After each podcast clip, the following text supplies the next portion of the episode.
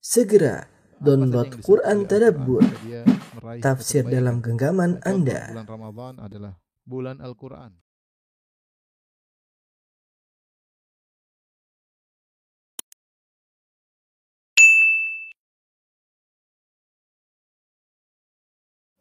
Bismillahirrahmanirrahim. Assalamualaikum warahmatullahi wabarakatuh. Alhamdulillahi ala ihsani wa syukru lahu ala taufiqihi wa amtinani. Wa asyhadu an la ilaha illallah wahdahu la syarika lahu ta'ziman li sya'ni. Wa asyhadu anna Muhammadan abduhu wa rasuluhu da'ila ridwani. Allahumma salli alaihi wa ala alihi wa ashabihi wa ikhwani. Eh, Hadirin dan hadirat yang dirahmati Allah Subhanahu wa taala. Pada kesempatan kali ini kita akan bahas untuk topik yang sangat penting bagi kita semua yaitu penyakit qaswatul qalb yaitu kerasnya hati yang setiap kita merasakan dampak dari kerasnya hati tersebut ya. Di antara dampak dari kerasnya hati kita merasakan betapa sulit khusyuk ketika salat dan juga dalam beribadah khusyuk, sulit khusyuk ketika salat, ketika berzikir kepada Allah Subhanahu wa taala. Sulit juga khusyuk ketika kita membaca Al-Qur'an. Kita tidak uh, merasakan hati yang terenyuh ketika baca Al-Qur'an. Kemudian juga di antara dampak dari kerasnya hati kita juga tidak wara untuk meninggalkan perkara-perkara yang syubhat. Ada perkara-perkara syubhat kita terjang dan kita lakukan. Bahkan lebih daripada itu karena kerasnya hati kita tidak takut untuk bermaksiat kepada Allah Subhanahu wa taala. Eh, Kemudian di antara dampak dari kerasnya hati ya bahwasanya kita terkadang tidak peduli ketika menzalimi orang lain, menggibahnya, menjatuhkan harga dirinya atau memakan harta orang lain ya. Terkadang juga di antara eh, dampak eh, kerasnya hati yaitu sikap kita yang suka berburuk sangka kepada orang terdekat kita, kepada istri kita, kepada suami kita, demikian juga kepada kawan-kawan kita, kepada kerabat kita. Tidak lain itu karena kerasnya hati kita. Demikian juga banyaknya terjadi uh, uh, pemutusan silaturahmi di antara kerabat atau pemutusan hubungan di antara uh, kawan-kawan di antara uh, sesama kaum muslimin. Ini semua di antara uh, dampak dari kerasnya hati. Dan saya rasa setiap kita tidak ada yang selamat dari hal ini. Pasti di antara kita ada yang mengalami apa yang telah uh, saya sebutkan tadi. Karena itu membahas tentang kerasnya hati dan obatnya ini perkara yang penting bagi kita semua. Rekan-rekan yang dirahmati oleh Allah Subhanahu wa taala, sungguhnya Allah Subhanahu wa taala uh, mencela ya, mencela tentang kerasnya hati ya dalam banyak ayat. Dan juga syariat telah memberikan uh, solusi untuk mengobati penyakit kerasnya hati. Untuk membahas yang pembahasan penting ini maka saya akan sarikan dari sebuah risalah yang ditulis oleh Al-Imam Ibn Rajab Al-Hambali rahimahullahu taala dengan risalah yang berjudul Zammu Qaswatil Qalbi yaitu celaan terhadap kerasnya hati ya. Risalah yang singkat ya uh, yang termaktub dalam Majmu' Rasail Ibn Rajab ya. Namun manfaatnya sangat besar bagi kita yang merasakan uh, kerasnya hati. Uh, saya bacakan sebagian dari perkataan beliau ya. Uh, beliau mengatakan risalatun fi dhammi qaswatil qalbi wa dzikri asbabiha wa ma ta'ulu bihi ya. Itu risalah tentang uh, celaan terhadap kerasnya hati dan bagaimana menyebutkan sebab-sebab untuk bisa sebab-sebab uh, menjadikan hati itu keras. Dia sebutkan tentang celaan terhadap hati yang keras, kemudian sebab-sebab hati seorang menjadi keras, kemudian beliau juga sebutkan terakhir tentang obat-obat untuk menghadapi atau memperbaiki hati yang sudah keras. Ini kita perlu mengenal tiga perkara ini tentang celaan terhadap hati yang keras, sebab-sebab hati yang keras. Dengan mengenal sebab-sebab hati yang keras, kita pun bisa menghindari sebab-sebab tersebut. Ini salah satu bentuk preventif agar kita bisa menghindar dari penyakit hati yang keras. Nah, kalau kita sudah memiliki hati yang keras, kita perlu mengenal juga obat-obatnya. Ini tiga perkara yang disebutkan oleh Imam Ibn Rajab dalam risalahnya tersebut. Kemudian beliau berkata, "Amma dhammul qaswah faqala ta'ala." Adapun celaan terhadap hati yang keras. Maka di antaranya firman Allah Subhanahu wa taala mencela orang-orang ahlul kitab kata Allah Subhanahu wa taala, "Tsumma qasat qulubukum min ba'di dzalik, fahiya kal hijarati aw ashaddu qaswa." Setelah itu keraslah hati kalian, kalbu kalian menjadi keras. Min ba'di dzalik setelah itu. Fahiya kal hijarati aw ashaddu qaswa, maka jadilah hati kalian seperti batu atau lebih parah daripada batu. Padahal para ulama ahli tafsir menyebutkan uh, ahlul kitab yaitu dari kalangan Yahudi, mereka telah menyaksikan berbagai macam mukjizat yang Allah hadirkan kepada mereka melalui Nabi Musa alaihissalam. Mukjizat yang mereka lihat banyak sekali. Mukjizat uh, yang dibawa uh, oleh Nabi Musa banyak sekali, banyak sekali kalau kita sebutkan dalam Al-Qur'an seperti uh, tongkat berubah menjadi ular, kemudian tangan bercahaya, kemudian uh, yang dialami oleh Firaun dengan uh, keluarnya darah ya, kemudian macam-macam. Ini sudah pernah kita jelaskan dalam kisah Nabi uh, Musa. Sampai mana wasalwa ya, mereka dikirim oleh Allah makanan langsung dari langit ya tanpa perlu dimasak tinggal dimakan. Uh, kemudian di antaranya adalah uh, tenggelamnya Fir'aun di hadapan mereka di Laut Merah sampai yang terakhir di antaranya adalah bagaimana seorang terbunuh bisa hidup dengan dipukulkan dengan sebagian sapi yang disembelih dipukulkan ke orang tersebut maka orang tersebut hidup untuk ditanya siapa yang membunuhmu maka dia mengatakan si fulan yang telah membunuhku. Intinya terlalu banyak mukjizat yang mereka lihat. Seharusnya mukjizat-mukjizat tersebut menjadikan hati mereka menjadi lembut. Menjadi rokik, menjadi lembut. Takut kepada Allah Subhanahu wa taala. Namun kenyataannya tidak demikian. Thumma qasat qulubukum min ba'di dzalik. Kemudian setelah itu, setelah mukjizat yang Allah lihatkan begitu banyak, hati kalian menjadi keras. Fahiyakal hijarati au asyaddu qaswah maka dia seperti batu atau lebih parah daripada batu. Setelah itu Allah menjelaskan bagaimana kondisi hati Bani Israel, Yahudi lebih keras daripada batu, Allah jelaskan. Wa inna minal hijarati lama yatafajjaru minhul anhar. Di antara batu ada yang uh, apa namanya keluar darinya sungai. Batu keras tapi bisa keluar darinya sungai. Wa inna minha lama yashaqqaqu fayakhruju minhul ma. Di antaranya ada batu yang pecah, kemudian keluarlah mata air atau air dari batu tersebut. Wa inna minha lama yahbitu min khasyatillah. Dan di antaranya ada yang batu jatuh karena takut kepada Allah Subhanahu wa taala. Subhanallah batu yang keras aja masih lebih masih lebih lembut daripada hati-hatinya orang Yahudi. Wa qala ta'ala, di antara cercaan Allah terhadap orang-orang yang hatinya keras, Allah berfirman kepada ahlul kitab juga. Alam ya'ninil ladzina amanu an takhsha'a qulubuhum li dzikrillah wa ma nazala minal haqq. Tidakkah datang kepada orang-orang yang beriman tidaklah tiba saatnya kepada orang yang beriman untuk agar hati mereka menjadi khusyuk mendengarkan zikir kepada Allah atau untuk mengingat Allah Subhanahu wa taala. Sudah saatnya hati mereka lembut untuk berzikir kepada Allah. Wa ma nazala minal haq dengan kebenaran yang turun harusnya menjadikan hati mereka menjadi lembut. Wala yakunu kalladzina utul kitaba min qabl dan janganlah mereka orang-orang beriman menjadi seperti ahlul kitab yang sebelumnya fatala alaihimul amadu faqasat qulubuhum. Setelah berlalu waktu yang lama, maka jadilah hati mereka menjadi keras. Ini terlalu lama mereka tidak mengingat Allah. Terlalu lama mereka tidak berzikir kepada Allah, akhirnya hati mereka menjadi keras. Subhanallah. Uh, sampai Allah mengatakan fawailul lil qasiyati qulubuhum min dzikrillah ulaika fi dhalalim mubin. Celaka bagi orang-orang yang hati mereka keras. Ya, ulaika fi dhalalim mubin. Sungguhnya mereka berada dalam kesatan yang nyata. Ya, di sini Allah mensifati ahlul kitab dengan qaswah dengan hati yang keras dan Allah melarang kita untuk bertasyabuh dengan mereka. Ini penjelasan Imam Ibn Rajab Al-Hambali rahimahullah taala. Lihatlah begitu kerasnya hati ahlul kitab sampai mereka berani melakukan banyak yang haram.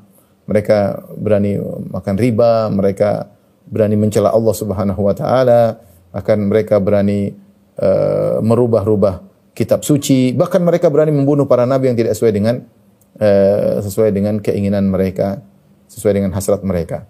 Jadi sungguhnya kerasnya hati adalah sifat-sifat ahlul kitab. Subhanallah padahal uh, begitu banyak mukjizat yang Allah tampakkan kepada mereka. Namun karena mereka, mungkin mereka lalai, tidak ingat Allah atau ujub atau sombong atau akhirnya menjadikan hati mereka keras. Ya. Uh, set, uh, kemudian apa sih sebab-sebab uh, kerasnya hati ya? Di antaranya Ibnu Rajab menyebutkan beberapa dalil-dalil tentang sebab-sebab yang menimbulkan kerasnya hati. Di antaranya sabda Nabi sallallahu alaihi wasallam diriwayatkan oleh Tirmizi dari hadis Ibnu Umar Rasulullah SAW bersabda la tukthirul kalam bi ghairi dzikrillah. Janganlah kalian terlalu banyak bicara tanpa menyebut nama Allah Subhanahu wa taala. Bicara yang banyak tanpa mengingat akhirat, tanpa zikrullah. Zikrullah eh, apa namanya? Umumnya bisa bisa dengan menyebut Allah, bisa mengingat akhirat, bisa tentang ilmu, tentang fikih. Intinya tentang agama. Jadi jangan terlalu banyak omong kalau tidak disertai dengan mengingat akhirat. Fa inna kathratal kalami bi ghairi dzikrillah qaswatun lil qalbi. Banyaknya bicara tanpa disertai dengan mengingat Allah Subhanahu wa taala akan menjadikan hati ini keras. Wa inna abadan nasi anil qalbi anillah al qalbul qasi dan orang yang paling jauh dari Allah adalah orang yang kalbunya keras, yang hatinya keras. Ya, hadis ini uh, uh, diriwayatkan oleh Al Imam At-Tirmidzi uh, rahimahullahu taala. Kemudian juga dalam Musnad Al-Bazzar ya, dari Anas bin Malik radhiyallahu anhu dari Nabi sallallahu alaihi wasallam beliau berkata arba'atun minasyaqa jumudul ain wa qasawatul qalb wa tulul amal wal hirsu ala dunya. Empat kesengsaraan merupakan empat perkara dari kesengsaraan jumudul ain yaitu mata yang keras susah untuk menangis wa qasawatul qalbi dan kalbu yang keras hati yang keras wa tulul amal terlalu banyak harapan-harapan panjang, panjang angan-angan wal hirsu ala dunia dan terlalu semangat terhadap terhadap dunia. Terlalu semangat terhadap dunia ya. Ini di antara dalil-dalil tentang uh, sebab-sebab kerasnya hati tadi disebutkan di antaranya adalah terlalu banyak bicara ya. Cara nggak berhenti lupa untuk berzikir kepada Allah. Apalagi kita sebagian kita hobi untuk bicara. Kalau sudah ketemu orang lain ingin bicara melulu ya. Kalau bicara tersebut diselingi dengan mengingat Allah tentang akhirat, orientasi akhirat, maka semakin melembutkan hati. Tapi ketika pembicaraan tersebut kosong dari mengingat Allah Subhanahu wa taala, hati menjadi keras. Hati menjadi keras. Di antaranya juga sebut tadi terlalu banyak angan-angan. Angan terlalu banyak lupa bahwasanya dia akan meninggal, lupa bahwasanya dia akan diminta pertanggungjawaban. Terlalu semangat ngoyo terhadap dunia. Ini juga menjadikan hati menjadi menjadi keras. Malik bin Dinar rahimahullah berkata, perkataan yang sangat uh, keras. Beliau berkata ma duriba abdun bi uqubatin a'dhamu min qaswatil qalb. Subhanallah tidak ada seorang hamba diberi hukuman yang lebih berat daripada hukuman hati yang keras. Orang kalau sudah hati keras kita sebut tadi ciri-cirinya di awal pengajian sulit untuk khusyuk tidak terenyuh ketika baca Al-Quran ya, mudah suudzon sama orang lain ya.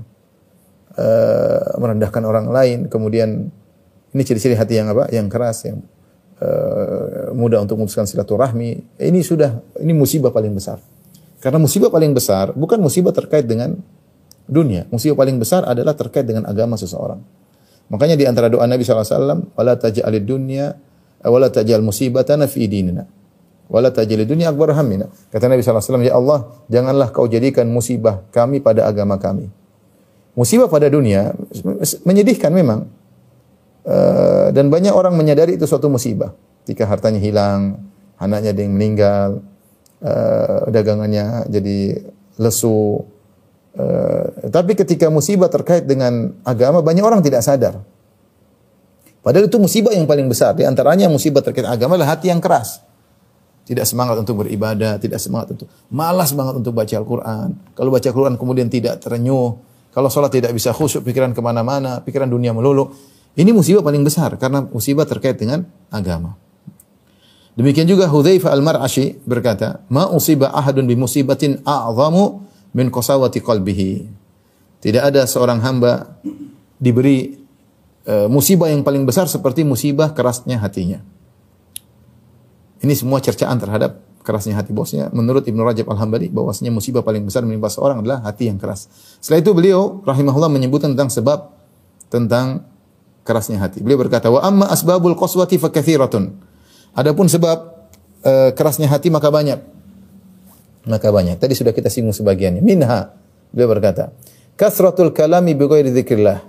Kama fi hadis Ibnu Umar as-sabiq. Banyak omong tapi tidak mengingat Allah. Makanya kalau kita pun dalam candaan kita sama teman-teman, tetap kita mengingat akhirat, tentang tetap ada Mengingat Allah umum ya artinya bisa tentang akhirat, bisa tentang surga dan neraka, bisa tentang berzikir, bisa ucapan astagfirullah. Paling minimal kita baca kafaratul majlis. Paling minimal kita baca kafaratul majlis. Sehingga tidak menjadikan hati kita menjadi keras. Aduh, bicara ngalung dulu ke sana kemari, ternyata tidak ada zikir sama Allah sama sekali. Ini membuat hati kita keras sedikit demi sedikit, tidak kita sadari. Ini pertama. Yang kedua, wa minha naqdul ahdi ma Allah Ta'ala. Di antara sebab kerasnya hati adalah membatalkan janji kepada Allah Subhanahu wa taala. Allah berfirman, "Fabima naqdihim mitsaqahum la'annahum maj'alna qulubahum qasiyah." Karena kata Allah tentang ahlul kitab, "Fabima naqdihim mitsaqahum." Disebabkan mereka membatalkan janji mereka kepada Allah. La'annahum, kami pun melaknat mereka. Wa ja'alna qulubahum qasiyah, kami jadikan hati mereka menjadi keras. Jadi hati keras kenapa? Karena membatalkan janji mereka kepada Allah. Oleh karena kalau seorang sudah berjanji ya, kepada Allah, punya tekad, jangan dia batalkan. Dia jaga janjinya. Janji sama orang dia jaga, apalagi janji kepada Allah Subhanahu wa taala. Ya, kata Allah, "Wahfadhu aimanakum." Jagalah janji kalian. Jangan suka berjanji kemudian dibatalkan, uh, dilalaikan, apalagi janji kepada Allah Subhanahu wa taala. Orang punya tekad, Allah Maha tahu. Kerjakan tekad tersebut. Kalau sering membatalkan janji kepada Allah Subhanahu wa taala, ini sebab Allah menjadikan hati seorang menjadi keras.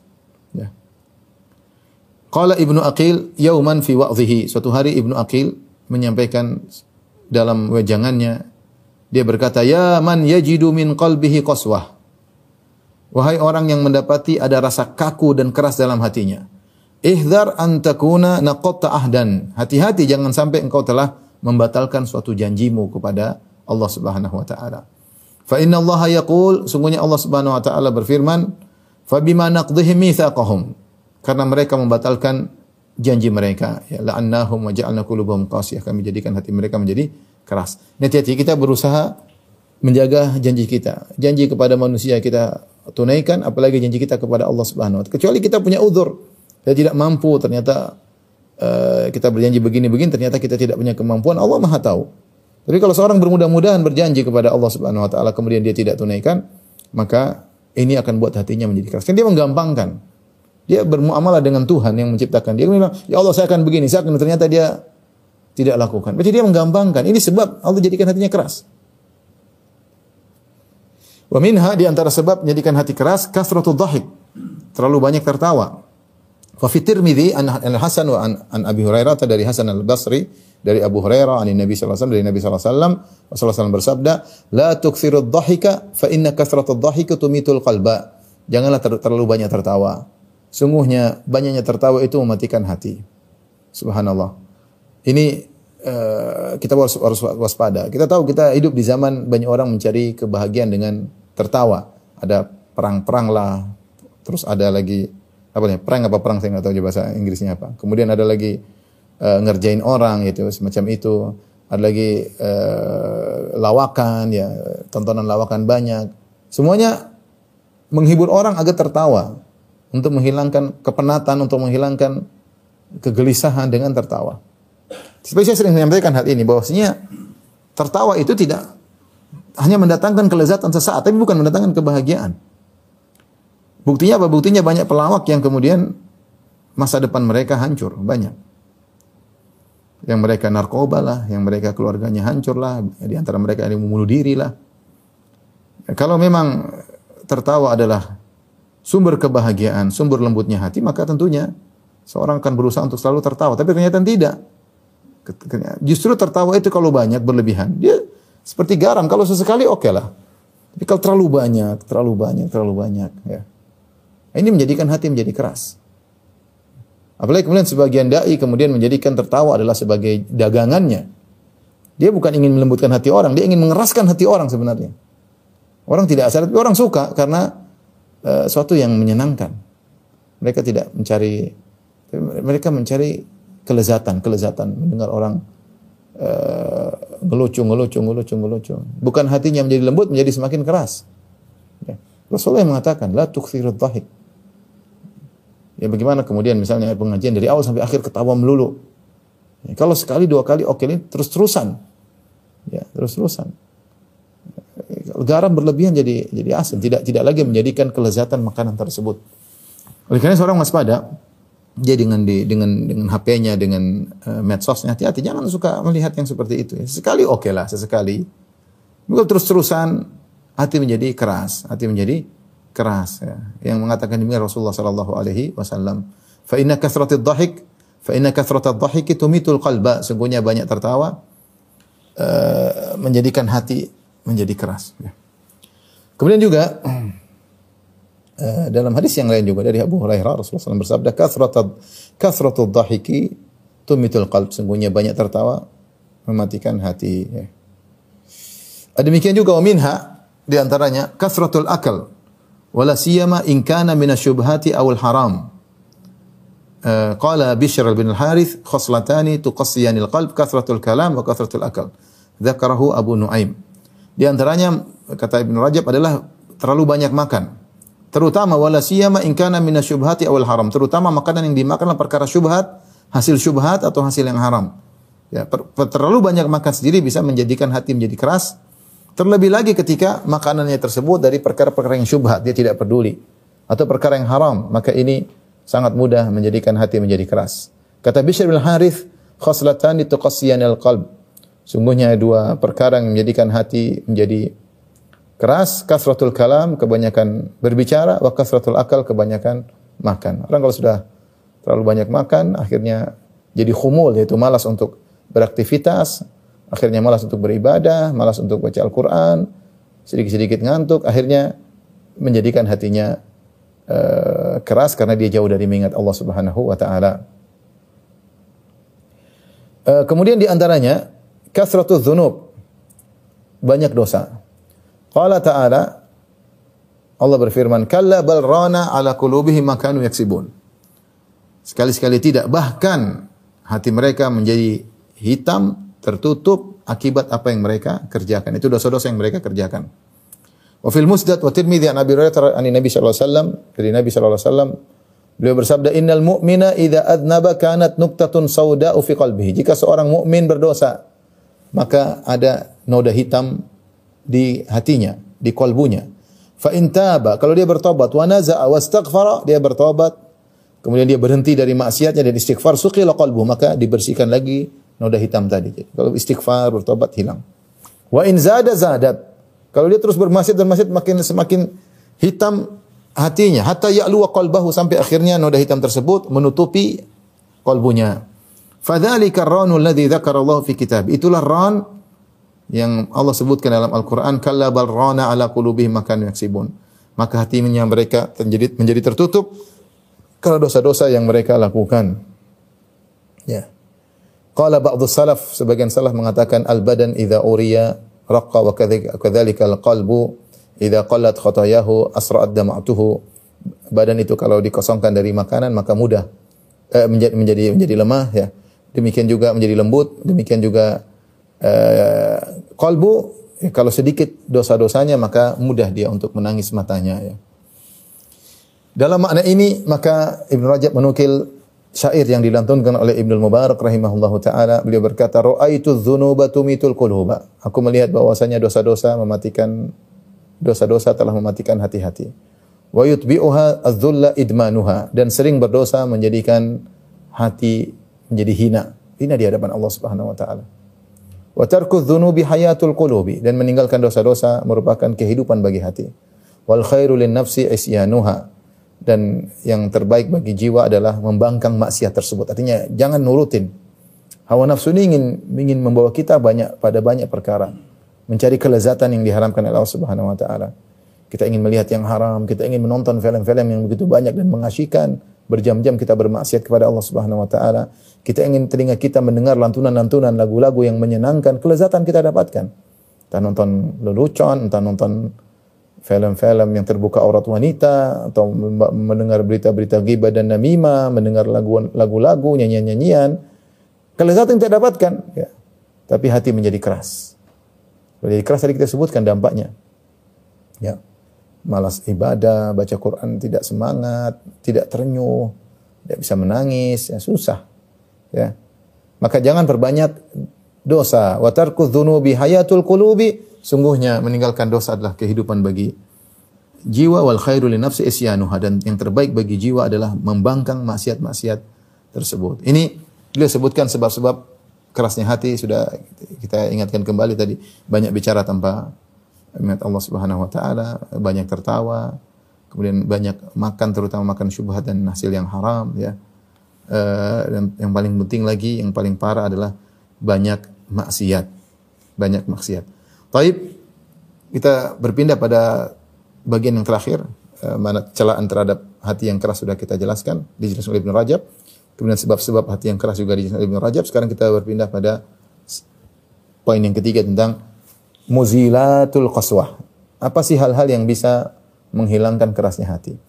Kalau kita bisa preventif dengan meninggalkan hal tadi, ya, sebab-sebab kerasnya hati itu bagus. Sehingga kita bisa menjaga hati kita. Kalau kita hati kita lembut, kita yang bahagia. Ikhwan akhwat.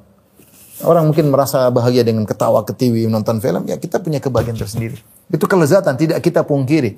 Orang yang nonton, yang dengar ini, nyanyi-nyanyi, dia ada lezat, tapi belum tentu hatinya bahagia.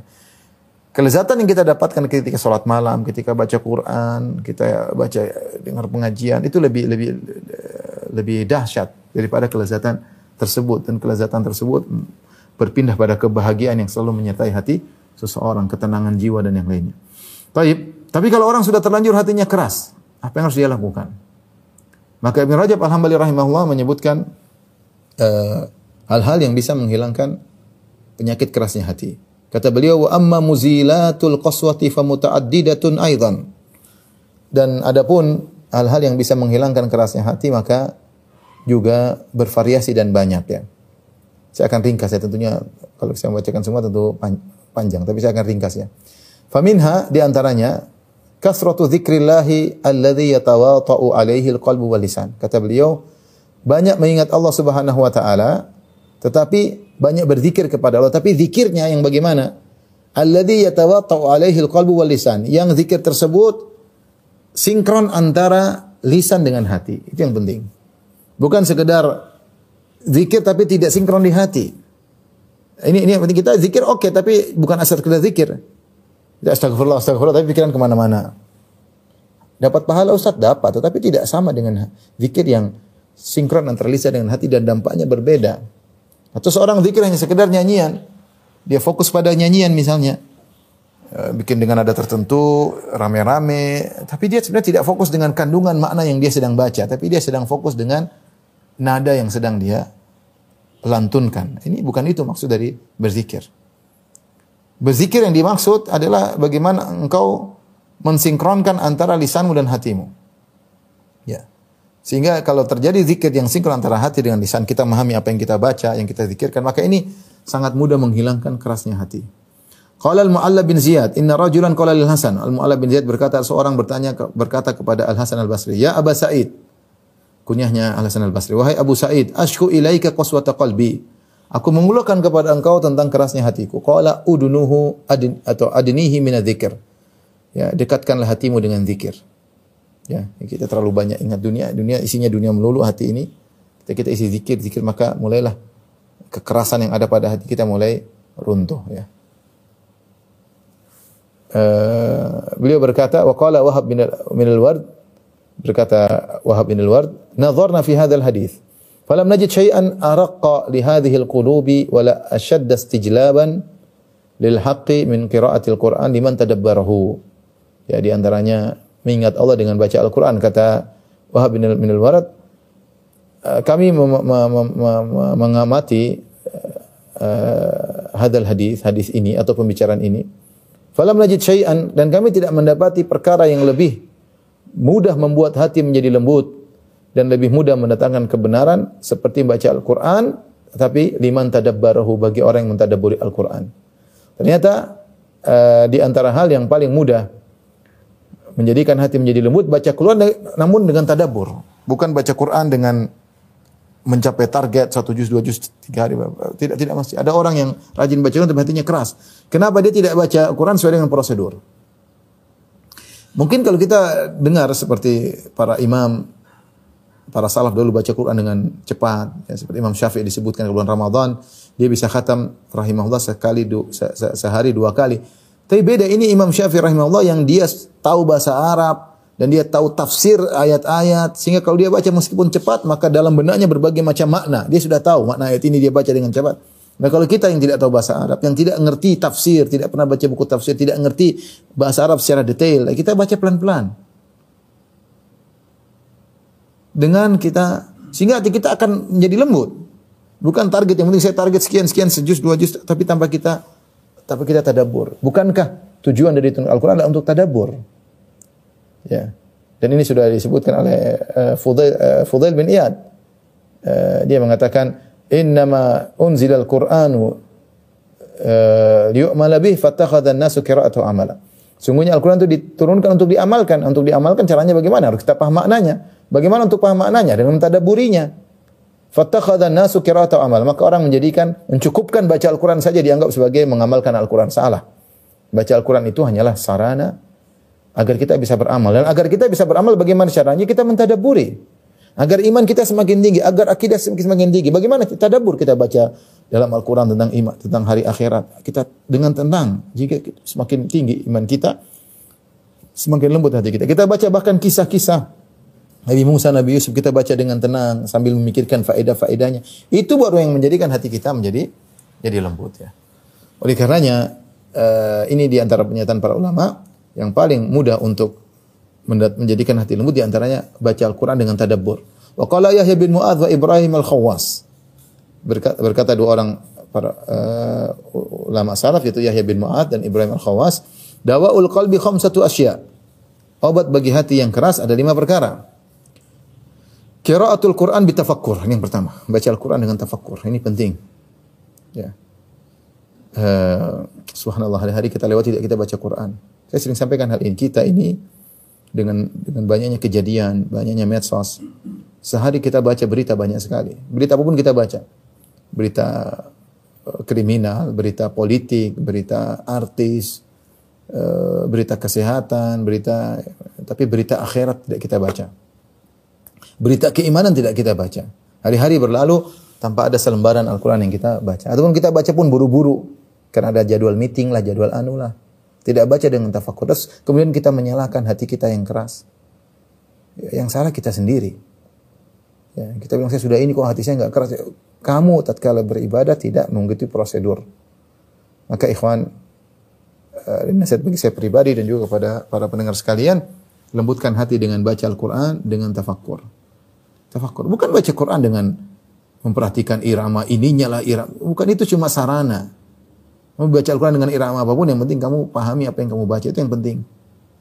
Ya, berlezat-lezat dengan baca Al-Quran dengan tafakkur, dengan berfikir. Kata Ibnu Mas'ud, kifu inda ajaibihi. Berhentilah pada setiap keajaiban yang kau dapat dalam Al-Quran. Dan jangan jadikan tujuanmu adalah uh, target. Jangan. Kata Ibnu Mas'ud. Nasihat Ibnu Mas'ud. Baca harikul kulub. Apa namanya? Gerakan hati ketika membaca Quran. Kifu inda ajaibihi. Berhentilah ketika membaca hal-hal yang melaju Al-Quran. Baca. Kemudian, jadi beliau mengatakan, lima perkara yang bisa membersihkan hati atau melembutkan hati. Pertama, kiraatul Quran bitafakkur. Baca Quran dengan Uh, tadabbur wa khala'ul batn yaitu dengan mengosongkan perut dan dengan berpuasa misalnya wa qiyamul lail dengan uh, salat malam ini juga menjadikan hati menjadi lembut wa tadarru inda sahar dan di waktu sahur berdoa angkat tangan menangis di Allah Subhanahu wa taala yang kelima wa satu salihin duduk bersama orang yang saleh yang kalau kita melihat orang saleh tersebut kita ingat akan akhirat lima perkara ikhwan ini sekarang kita sampai pada inti pembahasan kita bagaimana cara melembutkan hati yang yang keras ya. Tinggal kita praktekkan mau praktek atau tidak. Obatnya banyak sudah kita sebutkan tadi. Pertama qiraatul Quran, baca Al-Quran. Dengan tadabbur tapi dengan tafakur. Yang kedua khala'ul batan, ya, kosongkan perut dengan puasa misalnya. Qiyamul lail, salat malam. Salat malam, ikhlas, bangun. Salat malam bukan untuk riak, bukan untuk dipamerkan, untuk pamer-pamer saya salat malam tadi malam, enggak, ikhlas pada Allah. Tadarru inda sahar, Bersimpuh di hadapan Allah ketika waktu sahur orang sedang tidur, angkat tangan berdoa nangis. Kita keluh kesahkan kerasnya hati kita kepada Allah Subhanahu wa taala. Yang kelima, wa mujalasat salihin, duduk bersama orang yang saleh. Yang kalau kita lihat dia kita ingat akhirat. Kita tidak terpedaya dengan dunia yang begitu banyak yang mempesona yang hanya sementara. Ya.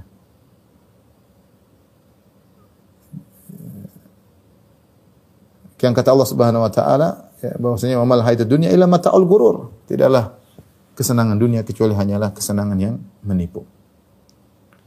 Ini eh, tentang hal-hal yang mengobati penyakit hati atau kerasnya hati. Kemudian berkata, "Wal aslu fi izalati qaswatil qalbi bidzikr qauluhu ta'ala." Adapun dalil bahwasanya berzikir, kemudian beliau berusaha menyampaikan dalil, dalil bahwasanya berzikir bisa menghilangkan kerasnya hati adalah firman Allah Subhanahu wa taala, "Alladzina amanu wa tatma'innu qulubuhum bidzikrillah." Dan orang-orang yang beriman kemudian tenanglah hati mereka dengan mengingat Allah. Ala bidzikrillah tatmainnul qulub. Ketahuilah dengan berzikir kepada Allah maka hati menjadi tenteram. Ini dalil bahwasanya berzikir mengingat Allah melembutkan hati. Ya, dengan berzikir ala bidzikrillah tatmainnul qulub, ketahuilah dengan berzikir kepada Allah hati menjadi tenang. Wa qauluhu ta'ala Allah juga berfirman, Allahu nazzala ahsanal hadithi kitaban mutasyabiha. Mathaniya takasha'irru minhu juludul ladzina yakhshawna rabbahum, thumma talinu juluduhum wa qulubuhum ila dzikrillah. Allah yang telah menurunkan pembicaraan yang terbaik maksudnya Al-Qur'an. Sebagai kitaban mutasyabihan, sebagai kitab yang mirip artinya dari ayat-ayat semuanya mirip-mirip ya. Uh, mutunya, kualitasnya ya, berbicara tentang tauhid.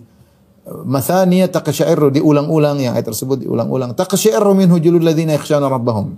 Barang siapa membaca Al-Qur'an maka kulitnya akan menjadi gemetar, orang-orang yang takut yang takut kepada Allah kulit mereka menjadi gemetar karena membaca firman Allah. Wal kemudian hati kulit mereka menjadi lembut dan hati mereka menjadi lembut ila dzikrillah menuju kepada berzikir kepada Allah. Ini dalil sangat tegas bahwasanya orang yang suka baca Al-Qur'an dengan tafakkur hatinya menjadi lembut. Ya. Talinu hatinya menjadi lembut. Kemudian juga firman Allah Subhanahu wa taala, "Alam ya'ni alladziina amanu an takhsha qulubuhum li dzikrillah." Tidaklah tiba saatnya bagi orang yang beriman agar hati mereka menjadi khusyuk dengan mengingat Allah Subhanahu wa taala. Maka ikhwan dan akhwat yang rahmati Allah Subhanahu wa taala, seorang berusaha uh, memperhatikan zikir. Jangan meremehkan ibadah zikir. Kita meruntinkan zikir, zikir pagi petang, tapi yang penting adalah kualitas kita ketika kita membaca zikir tersebut. Bukan sekedar kita mengucapkan ya zikir tersebut secara cepat tidak. Kita ingin zikir pagi petang dibaca dengan pelan-pelan. Allahumma anta rabbi la ilaha illa anta khalaqtani wa ana abduka. Kan zikir. Sayyidul istighfar kita baca dengan lambat sambil kita renungkan. Kalau antum bisa bahasa Arab antum buka sambil lihat terjemahannya. Insyaallah lama-lama kita hafal Arabnya dan kita hafal terjemahannya. Ini perenungan, ini yang membuat hati kita menjadi uh, lembut.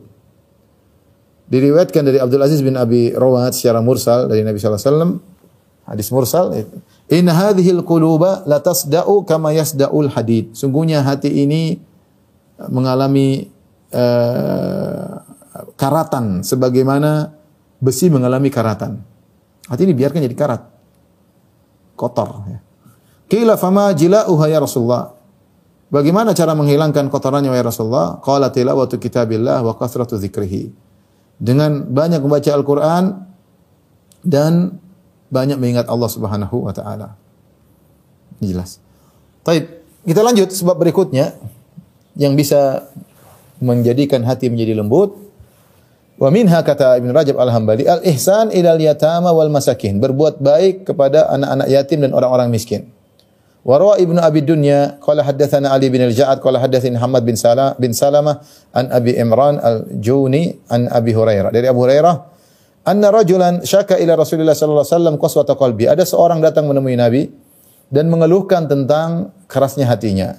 Apa solusi yang Nabi berikan kepada orang tersebut yang mengeluhkan tentang kerasnya hatinya? Kata Nabi sallallahu alaihi wasallam, "In ahbabta an yalina qalbuk" Jika kau suka hatimu menjadi lembut, famsah ra'sal yatim wa atimil miskin. Isnaduh jayyid. Maka usapkanlah, usaplah kepala anak yatim dan berilah makan kepada fakir miskin. Isnadnya jayid. Itu hadis hasan menurut Ibnu Rajab Al-Hambali. Ya. Ini dua, dua, dua hal yang apa namanya berbuat baik kepada anak yatim dan berbuat baik kepada orang orang miskin. Ya, kepada orang miskin. Dan kita tahu bahwasanya uh, al jaza min amal, balasan sesuai dengan perbuatan. Ketika seorang mengusap tangannya ke anak yatim, ya, dia membuat anak yatim tersebut bahagia. Dan dia usap dia sambil merenungkan betapa kasihan anak yatim ini. Tidak punya ayah, masih kecil. Kalau saya di posisi dia bagaimana? Ya. Kurang diperhatikan. Dia tidak tertawa sebagaimana teman tertawa bisa tertawa dengan orang tua mereka sementara dia tidak. Tidak ada perhatian, tidak ada dia tempat untuk berkeluh kesah ketika orang tuanya tidak ada, masih kecil. Ketika seorang mengusap kepala anak yatim dengan menghadirkan makna-makna ini, hatinya menjadi lembut. Dan dia menjadikan anak yatim itu bahagia. Karena anak yatim siapa yang mengusap kepalanya? Kalau kalau dia punya ayah, ayahnya akan memeluknya. Kalau dia punya ibu, ibunya akan memeluknya. Dia tidak ada. Paling tidak kita mengusap kepalanya. Buat dia bahagia, dia merasa sentuhan yang mungkin tidak sudah lama tidak dia rasakan atau tidak pernah dia rasakan lagi. Ya. Tapi paling tidak kita mengurangi uh, atau memberikan sedikit cercahan kebahagiaan dalam hatinya. Nah, kalau kita beri kebahagiaan kepada dia, kita akan dapat kebahagiaan juga. Hati kita yang tadinya keras bisa jadi lembut. Demikian juga kita beri makan kepada fakir miskin. Ya, akhi, subhanallah, fakir miskin lapar, kelaparan, mereka tidak menemukan makanan. Mereka kelaparan, kemudian kita berikan makanan kepada pada mereka. Ini akan menjadikan seorang uh, lembut hatinya, ya.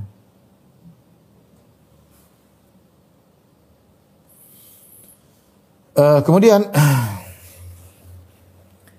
uh, di antaranya uh, yang bisa melembutkan hati kata Ibnu Rajab wa minha kasratu dzikril maut. Di antaranya banyak mengingat kematian. Ini paling cepat melembutkan hati namun kita malas melakukannya. Karena kita tahu kalau kita banyak ingat kematian banyak kesenangan kita terganggu. Kita malas. Tapi padahal ini yang paling melembutkan hati dan kesulitan melembutkan hati hati kita bahagia. Zakara Ibnu Abi Dunya bi isnadi. Ibnu Abi Dunya menyebutkan dengan sanadnya an Mansur Ibnu Abdurrahman an Safiyah dari Safiyah. Anna mar'atan atat Aisyah litashkuwa ilaiha al-qaswata. Ada seorang wanita datang kepada Aisyah untuk mengeluhkan kepada Aisyah tentang kerasnya hatinya. Wanita ini mengeluh, ya Aisyah hati saya keras. Apa solusinya? Dia merasa, ya seorang menyadari hatinya keras. Yang paling parah kalau dia tidak menyadari hatinya sedang sakit. Kalau kita menyadari hati kita sedang sakit, kita kurang terenyuh baca Quran, tidak semangat beribadah, masih pelit untuk bersedekah, maunya suudzon terus kepada pasangan, misalnya pada orang lain. Hati kita sedang keras berarti. Nah, wanita ini menyadari hatinya keras, maka dia mendatangi Aisyah untuk mengeluhkan tentang keras hatinya. Apa solusinya? Apa kata Aisyah radhiyallahu anha? Aktsiri dzikrul maut. Perbanyaklah ingat kematian. Yariku qalbuka wa taqdirina ala hajatiki. Yariku qalbuki wa taqdirina ala hajatiki. Perbanyaklah mengingat kematian kalau kau banyak mengingat kematian, yariku qalbuki, maka hatimu kalbumu menjadi lembut dan kau mampu untuk memenuhi hajat keperluanmu. Qalat fa fa'alat kata Sofia, akhirnya wanita wanita ini menjalankan wasiat Aisyah. Dia banyak mengingat kematian. Fa anasat min qalbiha rusdan. Setelah dia sekian lama banyak mengingat kematian, maka dia mendapat hatinya mulai bersih, mulai dapat petunjuk. Faja'at tashkuru li Aisyah radhiyallahu ta'ala. Maka dia pun datang lagi menemui Aisyah dia mengatakan, Syukran wahai Aisyah. Ternyata banyak mengingat kematian menjadikan hatiku lembut. Wa kana ghairu wahidin minas salaf wa minhu Sa'id bin Jubair dan banyak ulama salaf di antaranya Sa'id bin Jubair berkata, di antaranya Sa'id bin Jubair, Rabi' bin Abi Rashid, mereka berkata, "Lau faraqa dzikrul mauti qulubana sa'atan la fasadat qulubuna." Seandainya mengingat mati lepas dari hati kita, maka akan rusak hati kita. Artinya mereka menyadari bahwasanya mengingat kematian adalah sumber utama yang menjadikan seorang hatinya lembut. Tidak terpedaya dengan angan-angan yang tidak ada penghujungnya, tidak terangkap terperangkap dengan uh, ngoyo terhadap dunia, tamat terhadap dunia, tidak terjerat, tidak terjerat dalam jeratan syahwat karena dia tahu sebentar lagi dia meninggal dunia. Namun ini malas kita lakukan masalahnya. Kita punya panjang angan-angan, kita masih pengen ini, pengen anu, kita akhirnya hati kita menjadi keras. Selingilah kalau kita tidak sering melakukan, kita selingi. Ingat kematian. Agar kalau kita sudah ingat kematian, kita menjadi semangat lagi beribadah. Hati kita menjadinya keras menjadi lembut. Sudah keras jadi lembut. Ingat kematian, oh, hidupnya sebentar. Jadinya terpenuhi dengan karat. Lepaslah karat tersebut sedikit demi sedikit. Dalam Hadis Nabi SAW bersabda, "Aksiru dzikra hadhimil laddat." Perbanyaklah mengingat hal yang bisa menghancurkan kelezatan. Ya. Dalam hadis yang diriwayatkan secara mursal, mursal maksudnya tidak langsung sampai kepada Nabi SAW. Namun kita baca ini hadis hadis dhaif tapi maknanya baik ya dan tidak terca, ter, tidak terkait dengan hukum tertentu ya. Marra Rasulullah SAW di majlisin qad ista'lahu dhahik Rasulullah SAW melewati suatu majelis dan situ dipenuhi dengan tawa. Faqala Rasulullah SAW berkata, "Syubu majlisakum bi dzikrin syubu majlisakum bi dzikri mudak mukaddiril ladzati. Campurkanlah majelis kalian dengan hal yang bisa merusak kelezatan. Qalu wa ma mukaddirul ladzat ya Rasulullah. Apa itu yang bisa merusak kelezatan? Kata Rasulullah SAW, al-maut. Yang tertawa-tertawa terus hati menjadi kotor, menjadi rusak. Ingat kematian agar bisa menjadi penyeimbang. Wa minha di antara hal yang bisa membuat hati lembut ziaratul kubur bitafakkur fi hali ahliha wa masirihim. Ziarah kuburan. Namun kata Ibn Rajab bukan hanya sekedar ziarah. Ziarah yang dimaksud adalah bitafakkur fi hali ahliha wa masirihim. Dengan merenungkan tentang kondisi penghuni kubur dan bagaimana penghujung mereka. Mikirin. Waqad sabaqa qawlu Ahmad lilladzi sa'alahu majurikul qalbi. Ketika ada seorang bertanya kepada Imam Ahmad bin Hambal, apa yang membuat atau bertanya kepada uh, ya kepada Imam Ahmad bin Hambal, ada yang bertanya, apa yang buat mayuriku qalbi? Apa yang buat hatiku bisa lembut wahai Imam Ahmad? Kata Imam Ahmad, udkhulil maqbarah. Masuklah kau dalam kuburan. Itu masuk ke areal kuburan. Suruh ingat melihat kepada kuburan. Nabi SAW bersabda, Zurul kubur fa innaha tudzakiru tudzakirul maut. Ziarahilah kuburan karena itu akan mengingat kepada kematian. Ya. Dalam riwayat yang lain, kata Nabi SAW, Kuntu nahaitukum an ziaratil kubur. Dulu aku melarang kalian ziarah, ziarah kubur. Fazuruha, maka ziarahilah, fa innaha tudzakirul akhirah. Karena dengan ziarah kubur akan mengingat kepada akhirat. Kita ziarah kubur, kemudian kita lihat, ini dulu orang-orang hebat. Yang dalam dulu luarnya orang hebat. Mungkin ada pejabat, ada orang terkenal, ada artis, ada orang yang populer, ada orang yang gagah badannya uh, kuat, ada yang cantik jelita, ada yang tampan luar biasa, semua sekarang di bawah dalam liang lahat. Semuanya sedang beradu dengan amalnya. Ya, apa yang akan dia dapatkan di alam sana. Maka jangan terpedaya dengan jasad yang kita miliki, jangan terpedaya dengan harta yang kita miliki. Kita nanti akan seperti mereka. Kita nanti akan seperti mereka. Ya. Dan kematian selalu datang dengan tiba-tiba, seringnya datang tiba-tiba tanpa memberitahu terlebih dahulu. Ya. Rasulullah SAW bersabda, Qad badali annaha turiqul qalba. Dulu kuntu nahaitukum an ziaratil kubur. Dulu aku melarang kalian ziarah kubur. Rasulullah dulu pernah melarang karena takut terjadi kesyirikan terhadap karena ziarah kubur bisa mengagungkan para penghuni kubur. Thumma qad badali annaha turiqul qalba. Tapi kemudian nampak bagiku bahwasanya ziarah kuburan itu bisa menjadikan hati menjadi lembut. Wa tudmi'ul aina dan menjadikan mata bisa menangis. Wa tudzakkirul akhirah dan bisa membuat orang ingat kepada akhirat. Ini penting ya. Disebutkan oleh Ibn Abi Dunya dari Muhammad bin Saleh At-Tammar qala kana Safwan bin Sulaim ya'til baqi. Dulu ada seorang namanya Safwan datang ke Baqi beberapa hari fayamurru bi. Safwan ini melewatiku kemudian pergi ke Baqi. Kata uh, Muhammad bin Saleh. Fattaba'tu zata yaumin, maka aku pun mengikuti Safwan satu hari. Safwan ini masuk ke kuburan, aku ikuti dia. Dia ngapain? Wallahi la anzuranna ma yasna. Aku ingin lihat apa yang dia lakukan di kuburan. Faqanna ara'sahu. Aku lihat ternyata dia kemudian menutupi kepalanya, wajahnya. Wa jalasa ila qabr minha. Kemudian dia duduk di salah satu kuburan yang ada di Baqi. Falam yazal yabki hatta rahimtuhu. Aku dia terus menangis, menangis sampai aku kasihan sama dia. Ini Safwan bin Sulaim. Qala dhanantu annahu qabru ba'dhi ahlihi.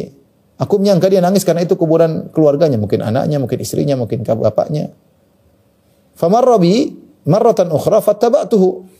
Suatu hari lihat lagi lewat depanku, aku ikuti lagi ternyata dia masuk di baki.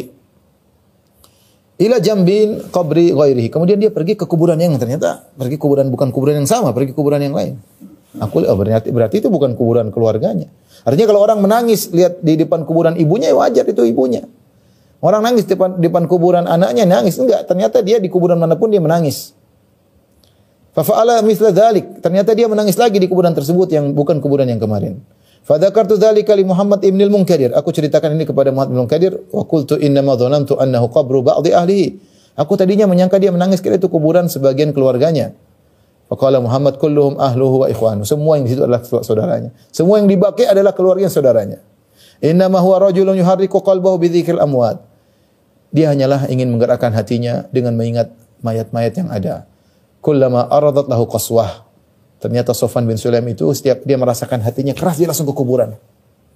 Dia hatinya malas-malas sedikit ke kuburan agar dia nangis di situ. Dia mencari obat untuk menghilangkan kerasnya hatinya dengan ke kuburan. Sehingga dia banyak sering ke kuburan.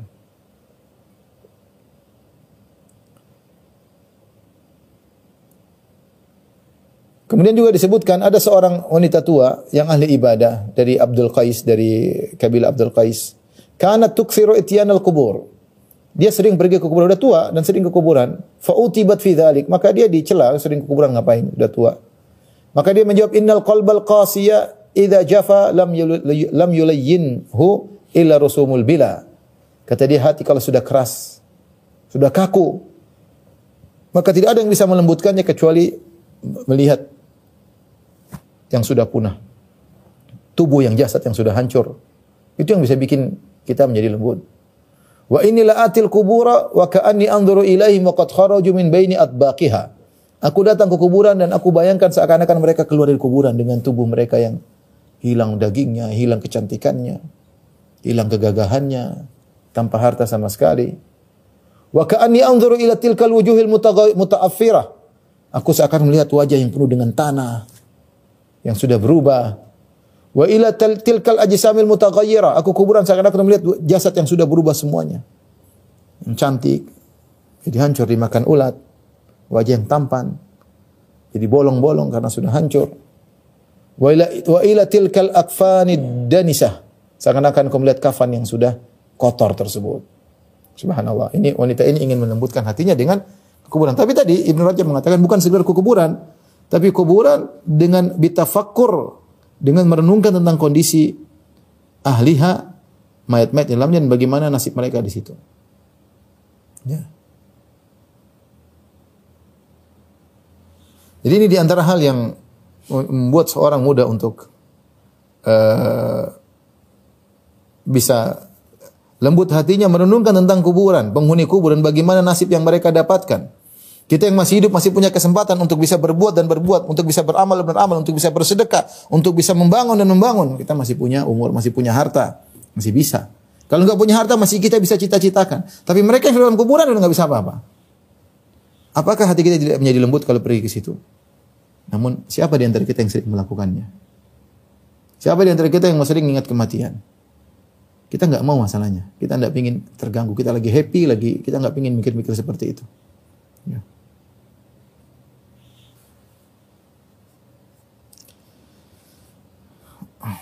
Kemudian kita lanjutkan di antara sebab eh,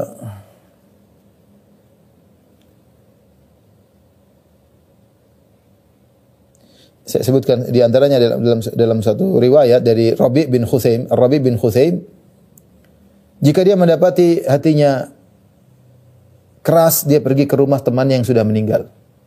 Dia pergi malam hari. Dia punya teman yang sudah meninggal dunia. Teman mungkin teman jalan, teman ngobrol, dan kita punya teman yang banyak sudah pergi sebelum kita. Rabi bin Khusaim kalau dia mendapati hatinya keras, dia pergi ke rumah temannya tersebut yang sudah meninggal dunia di malam hari. Kemudian dia teriak, "Ya fulan bin fulan." Dia panggil temannya, "Wahai fulan bin fulan." "Ya fulan." Ibnu fulan dia panggil, "Ya fulan, mana engkau?" Thumma ya- yaqulu laita syi'ri ma fa'alta wa fu'ila bika. Kemudian dia berkata, apa yang terjadi denganmu sekarang? Apa yang kau lakukan sekarang di alam sana? Thumma yabki hatta tasila dumu'uhu. Maka dia pun menangis sampai kedua matanya eh, apa namanya mengalir, air matanya mengalir. Ya. Ini di antara cara dia untuk melembutkan hatinya. Dan ini bisa kita renungkan teman-teman kita banyak tadi masih ketawa sama kita. Sebelum corona banyak teman-teman kita yang mungkin semobil dengan kita berjalan rame-rame. Mereka sekarang apa yang terjadi dengan mereka? Mada fu'ila bihi apa yang dilakukan kepada mereka? Wa mada fa'ala apa yang dia lakukan sekarang di alam sana? Kita masih hidup.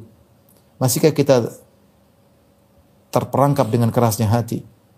Tidak sadar-sadar. Tapi di antara sebab uh, untuk menjadikan hati menjadi lembut, aklul halal, yaitu makan yang yang halal.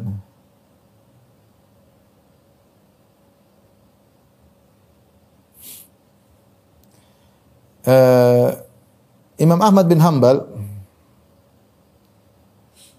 ya, ditanya ya. Rahimakallah ya Aba Abdullah Semoga Allah merahmati engkau Imam Ahmad. Bima talinul qulub. Dengan apa hati menjadi lembut ya? Thumma atraqa. Thumma rafa'a rasa. Imam Ahmad tunduk. Kemudian beliau mengangkat kepalanya. Kemudian beliau berkata Ya Ya bni Bi aklil halal. Caranya wahai putraku dengan makan yang halal. Hati-hati seorang ya tidak perhatian terhadap ya hatinya sehingga dia asal makan kemudian di akhirnya eh, makan yang haram kemudian akhirnya hatinya menjadi menjadi keras. Maka seorang kalau ingin menjadikan hatinya lembut dia berusaha makan yang halal. Jauhkan dirinya dari makan yang syubhat apalagi makan yang yang haram. Hati-hati dalam pekerjaan, jangan menerima pemberian yang haram termasuk pemberian yang syubhat. Kalau kita sering makan syubhat dan haram maka hati kita menjadi keras. Maka itu di antara faedah yang disebut oleh para ulama uh, ketika Nabi menyebutkan tentang hadis Mu'ad bin Jabal, hadis Mu'ad bin Jabal Rasulullah mengatakan innal halal bayyin wa innal harama bayyin wa bayyina umurun musyabihat. Sungguhnya perkara halal itu jelas, perkara haram itu jelas dan di antara keduanya perkara yang syubhat. Kemudian di akhir hadis Rasulullah SAW mengatakan Ala wa inna fil jasadi fil jasadi mudghatan idza salat salat jasadu kullu wa idza fasala fasala jasadu kullu ala wahyal qalbu. Ketahui dalam hati ada segumpal daging kalau daging tersebut baik maka baiklah seluruh tubuh, kalau daging tersebut buruk maka buruklah seluruh tubuh. Ketahui adalah kolbu. Ini dalil bahwasanya makan halal, makan haram, makan syubhat punya kaitan dengan kolbu.